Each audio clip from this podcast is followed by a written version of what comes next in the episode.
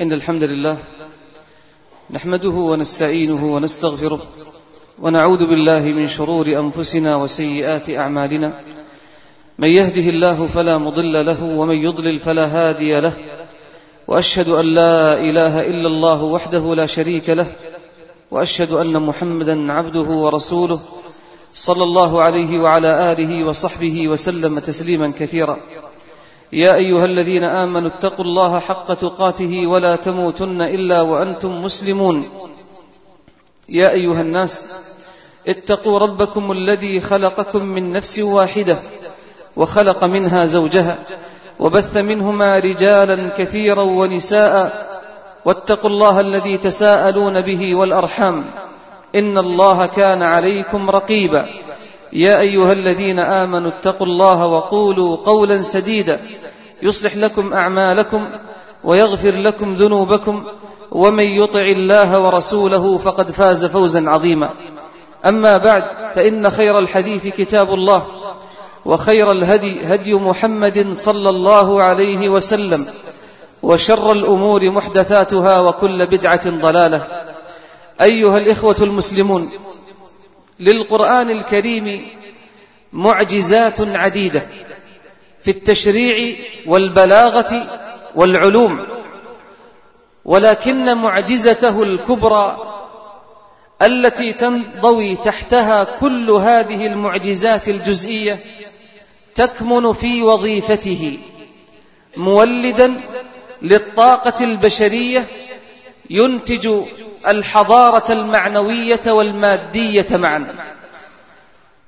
فمعجزة القرآن الكريم أنه من منهاج حياة صنع جيلا فريدا وبنى حضارة إسلامية ملكت إرادة التفوق الأخلاقي والعمراني فامتدت فضائل هذه الحضارة إلى المشارق والمغارب. فهو أعظم الكتب السماوية في إحداث التغيير الشامل في المفاهيم في التصورات في العادات في الأعراف ولم تكن هذه السمة في التغيير لأي كتاب سماوي آخر.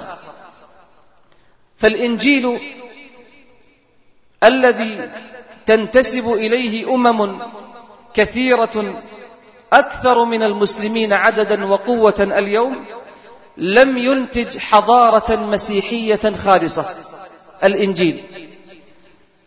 والحضارة الأوروبية اليوم إنما هي مزيج القيم المسيحية واليونانية والرومانية. نعم هناك تفوق تقني وعلمي وعسكري وسياسي وعمراني في النهضة الأوروبية الحديثة لكن هذه استخدمت في العلو والسيطرة والاستعمار. وهذه الحضارة الأوروبية التي نراها اليوم ليست نتاج ثقافة إنجيلية مسيحية في الأعم الأغلب. ومن أجل ذلك يظل القرآن أعظم كتاب غير العقل البشري ولا يزال يملك المنهج القادر على تفجير الطاقات الذهنية والعلمية والسلوكية. وإذا كان انقلاب عصا موسى عليه السلام إلى حية يعتبر معجزة فإن تغيير العقول والقلوب والأفهام والعادات الخاطئة أبلغ في الإعجاز وأكبر. وإذا كان إحياء الموتى من الخوارق التي أيد الله بها بعض أنبيائه. فإن إحياء أمة كاملة من الجهل والرذيلة والشرك إلى أمة هادية مهدية فاتحة منتصرة هو المعجزة, هو المعجزة الخارقة التي أحدثها هذا القرآن وهو قادر على إحداثها إلى يوم القيامة لمن يمتلك مفاتيح التعامل الصحيح مع كتاب الله جل جلاله. ولذلك رفع الله ذلك الجيل الأول رفعه بالقرآن. وصدق المصطفى صلى الله عليه وسلم حين قال إن الله يرفع بهذا الكتاب أقواما ويضع به آخرين. يرفع به أقواما ويضع به آخرين. رواه مسلم. فسبب ارتفاع جيل الصحابة أنهم ارتفعوا إلى مستوى القرآن وارتفعوا إلى تعاليمه وأخلاقه. وأما نحن اليوم فإننا نشد القرآن إلى مستوانا نشده إلى أخلاقنا نشده إلى ضعفنا ولم نرتفع إليه وإلى أخلاقه. ولهذا كان الناتج ضعفا سائدا في مجالات كثيرة. أيها الإخوة المسلمون إننا حين نتحدث عن فضل الجيل الراشد في الحضارة يتساءل بعض المثقفين ويقولون في اعتراض قد يكون له وجاهة أنتم تتحدثون عن حضارة بنيت بالقرآن ولكن لم تبن هذه الحضارة إلا في العهود التي تلت عصر الصحابة كالعصر العباسي مثلا. فكيف تنسبون هذه الحضارة إلى ذلك القرآن وإلى جيل الصحابة؟ هذا اعتراض قد يكون فيه شيء من الوجاهة ولكن هل كانت الحضارة العباسية وغيرها شجرة ليس لها جذور؟ أم أنها كانت ثمرة غرس وسقي بدأت رعايتها وسقايتها منذ عصر الراشدين. أيها الإخوة إن التعامل الصحيح مع القرآن يقتضي من المسلمين إدراك حقيقة القرآن وإدراك دوره الفاعل في التغيير. كما يقتضي أيضا منا تغيير نمط تفكيرنا الذي ربانا عليه الأجيال السابقة من آبائنا وأجدادنا وربما من طلبة العلم فينا. فإذا كان المسلم العامي اليوم يرى أن القرآن هو كتاب لغة وبلاغة أو يراه كتاب تجويد وتلاوة أو هو كتاب مناجاة وبكاء وترتيل دون النظر إلى تطبيقاته العملية في تهذيب السلوك وبناء الإنسان وبناء الحضارة فلا شك في قصور هذا الفهم في التعامل مع كتاب الله جل جلاله. ولهذا حينما نرى أغلب المسلمين اليوم يتوجهون إلى تضخيم إلى تضخيم جانب التلاوة والحفظ وإنشاء الحلقات والمراكز المتخصصة في تحفيظ القرآن دون خطوات مماثلة في إنشاء مراكز وحلقات متخصصة في فهم القرآن في فهم القرآن والتعرف على مدلول خطاباته واستنباط وسائل النهوض بالأنفس والمجتمعات وأساليب المحافظة على الإطار العام للحياة الإنسانية فلا شك أن هذا خلل خلل في التعامل مع كتاب الله تبارك وتعالى. فكما ننشئ مراكز وحلقات لتحفيظ القرآن فينبغي أن ننشئ مثلها لفهم القرآن والتعرف على المطلوب من المسلم. إنه الجانب العملي في القرآن الذي أهمله لا أقول بعض المسلمين بل أهمله كثير من المسلمين وما أهمله المسلمون إلا لأنه يقتضي جهدا ويقتضي عملا وتفكيرا. وهذا هو الجانب الأهم الذي اعتنى به رسول الله صلى الله عليه وسلم وأحياه في نفوس صحابته الكرام. فربى جيلا فريدا غير وجه العالم. من خلال حفظ القرآن وفهمه والعمل به. ولذلك بني ذلك الرعيل الأول على أساس متين على أساس قوي. فكان قويا في دينه قويا في أخلاقه قويا في همته وعزيمته. وكل ذلك كان بسبب ما أحدثه القرآن العظيم في نفوس الصحابة. يقول عبد الله بن مسعود رضي الله عنه في كلمة تلخص ما نريد قوله. يقول عن عصره إنا صعب علينا حفظ القرآن وسهل علينا العمل به. وإن من بعدنا يسهل عليهم حفظ القرآن ويصعب عليهم العمل به. كلمة بليغة من ابن مسعود رضي الله عنه. إنا صعب علينا حفظ القرآن سهل علينا العمل به وإن من بعدنا يسهل عليهم حفظ القرآن ويصعب عليهم العمل به.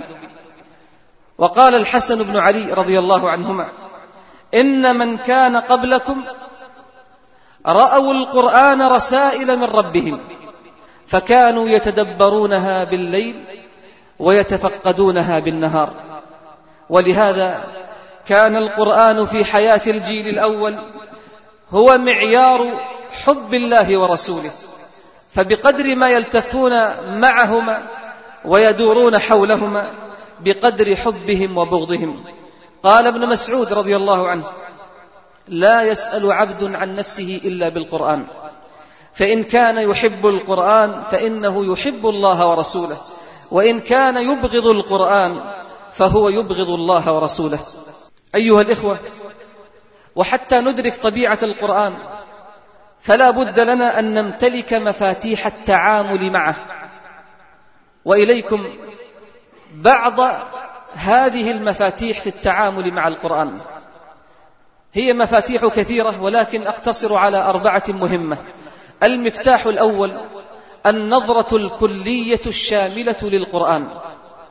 إن الذي شتت الأذهان وأضعف التعامل مع القرآن أن الناس اجتزأوا القرآن وجعلوا له مهمات خاصة ولم ينظروا إليه نظرة شاملة كلية. فبعضهم جعل القرآن عبارة عن تعاويذ ورقى وهو كتاب شفاء. فلا يعرف القرآن إلا حين يبتلى بمرض عضوي أو نفسي. فتجده حين يمرض يبحث عن من يرقيه بالقرآن. وأما قبل مرضه أو بعد شفائه فإنه ينتهي دور القرآن عنده. وبعضهم يجعل القرآن كتابا علميا صرفا فهو يبحث في إعجازه العلمي والطبي واللغوي والبلاغي ولا يلتفت إلى غير ذلك. وبعضهم جعل القرآن للتجويد والترتيل والدورات ويجتهد في حضور كل الدورات التي تعقد في كتاب الله في كل مكان واقتصر دوره على ذلك فقط دون النظر إلى فهمه أو تدبره أو الخشوع به. بل وصل الأمر وهذه من أحط الأغراض في قلب الإنسان أن بعض المسلمين جعل القرآن وجبة شهية للتزود من المال فصار يأكل به ويجمع الأموال عن طريق تعلمه وعن طريق تعليمه. واسمعوا إلى رسول الله صلى الله عليه وسلم ماذا قال؟ قال تعلموا القرآن واسألوا الله به. قبل أن يتعلمه قوم يسألون به الدنيا. فإن القرآن يتعلمه ثلاثة نفر. رجل يباهي به. ورجل يستأكل به. ورجل يقرأه لله. نسأل الله أن نكون وإياكم من الآخرين. من الرجل الثالث الذي يقرأه لله. نحذر من هذه الثلاثة من هذا الأول والثاني. رجل يباهي به يعني يقرأه رياء وسمعة. ورجل يستأكل به ورجل يقرأه لله. يقرأه لله. رواه الحاكم وصححه. وخروجا من كل هذه النظرات القاصرة مع القرآن. على المسلم أن ينظر للقرآن نظرة شاملة كلية على أنه منهج متكامل لحياة الإنسان وهذا أول مفتاح للتعامل الصحيح مع القرآن. المفتاح الثاني التلقي من القرآن من أجل العلم. التلقي من أجل القرآن من أجل العمل. إن الذي تميز به الصحابة الكرام رضوان الله عليهم أنهم كانوا يتلقون القرآن من رسول الله صلى الله عليه وسلم للعمل به لا للتلاوة فحسب بل للعمل. قال عبد الله بن عمر رضي الله عنهما لقد عشنا دهرا طويلا وأحدنا يؤتى الإيمان قبل القرآن فتنزل السورة على محمد صلى الله عليه وسلم فيتعلم حلالها وحرامها وآمرها وزاجرها وما ينبغي أن يقف عنده منها. ثم لقد رأيت رجالا رأيت رجالا يؤتى أحدهم القرآن قبل الإيمان فيقرأ ما بين فاتحة الكتاب إلى خاتمته لا يدري لا يدري ما آمره ولا زاجره. وما ينبغي أن يقف عنده ينثره نثر الدقل. إن التلقي من أجل العمل هو المطلوب الواجب وهذا ما كان عليه صحابة رسول الله صلى الله عليه وسلم وسلف هذه الأمة الأخيار. يسمع, يسمع أحدهم آية في الإنفاق فيتصدق من ماله كما فعل أبو طلحة وغيره. يسمع أحدهم آية في الصفح والعفو فيعفو عمن ظلمه كما فعل أبو بكر رضي الله عنه عندما صفح وعفى عن ثمامة ابن مصطح حين ولغ في عرض عائشة أم المؤمنين رضي الله عنها. يسمع أحدهم آية في الجهاد والنصرة فيهب لنصرة دينه كما فعل عمير ابن الحمام رضي الله عنه وأرضاه. إنه الجانب التطبيقي لإحياء معاني القرآن وإنه التلقي من أجل العمل لا من أجل الثقافة والاطلاع. المفتاح الثالث الشعور بأن الآية من القرآن موجهة إليك. المسلم يقدر أن المقصود بكل خطاب من القرآن أنه موجه له. فإن سمع أمرا أو سمع نهيا قدر أن المنهي والمأمور هو. وإن سمع وعدا أو وعيدا فمثل ذلك. وإن سمع قصص الأولين والأنبياء علم أن المقصود هو أخذ العبرة والعظة.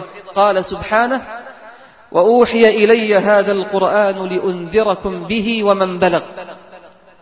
وأوحي إلي هذا القرآن لأنذركم به ومن بلغ. قال محمد ابن كعب القرضي رحمه الله من بلغه القرآن فكأنما كلمه الله. إن شعور المؤمن بأنه هو المقصود بخطابات القرآن أكبر حافز على حسن التعامل معه والعمل بما جاء به. المفتاح الرابع التخلص من الأقفال التي عناها الله جل جلاله بقوله أفلا يتدبرون القرآن أم على قلوب أقفالها؟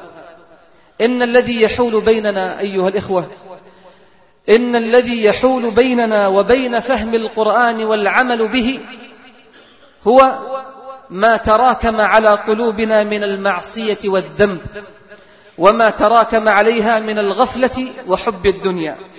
وكما أن العبد يحرم الرزق بالذنب يصيبه فكذلك يحرم فهم القرآن بالذنب يصيبه.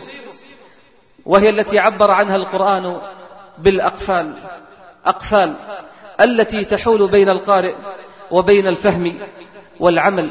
وكلما تخفف القارئ وكلما تخفف المسلم من هذه الأقفال وهذه المعاصي كلما تفتحت له نسائم القرآن وتفتح له وتفتحت له معانيه. كلا بل ران على قلوبهم ما كانوا يكسبون. نسأل الله تبارك وتعالى أن يرزقنا وإياكم فهما صحيحا في كتابه وأن يجعلنا من أهل القرآن الذين هم أهله وخاصته. أقول هذا القول وأستغفر الله لي ولكم ولسائر المسلمين فاستغفروه إنه بر رؤوف رحيم. الحمد لله وحده والصلاة والسلام على من لا نبي بعده وعلى آله وصحبه وسلم تسليما كثيرا. إن الله وملائكته يصلون على النبي. يا أيها الذين آمنوا صلوا عليه وسلموا تسليما. اللهم صل على محمد وعلى آل محمد كما صليت على إبراهيم وآل إبراهيم. وبارك على محمد وعلى آل محمد كما باركت على إبراهيم وآل إبراهيم. إنك حميد مجيد. اللهم أعز الإسلام والمسلمين وأذل الكفر والكافرين ودمر أعداء الدين. واجعل هذا البلد آمنا مطمئنا وسائر بلاد المسلمين. اللهم اغفر للمسلمين والمسلمات والمؤمنين والمؤمنات الأحياء منهم والأموات إنك يا مولانا سميع قريب مجيب الدعوات اللهم ارحمنا فإنك بنا راحم ولا تعذبنا فإنك علينا قادر ودبرنا فإنا لا نحسن التدبير وخذ بنواصينا إليك ودلنا بك عليك يا خير مسؤول اللهم تقبل منا صيامنا وتقبل منا قيامنا وتقبل منا سائر أعمالنا ولا تردها في وجوهنا يوم القيامة. اللهم إنا نسألك علما نافعا ورزقا طيبا واسعا وعملا متقبلا وشفاء من كل داء. اللهم أرنا الحق حقا وارزقنا اتباعه وأرنا الباطل باطلا وارزقنا اجتنابه. اللهم إنا نسألك الفردوس الأعلى من الجنة من غير سابقة عذاب ولا مناقشة حساب. اللهم اغفر لنا ولوالدينا ولجميع المسلمين والمسلمات الأحياء منهم والأموات. اللهم انصر المجاهدين الذين يجاهدون لإعلاء كلمتك ورفع رايتك ونصرة دينك وأوليائك في كل مكان. اللهم انصرهم في فلسطين وانصرهم في العراق. اللهم أيدهم بتأييدك وأمدهم بعونك وانصرهم على من ظلمهم يا رب العالمين. وصل اللهم على نبينا محمد وعلى آله وصحبه أجمعين. والحمد لله رب العالمين.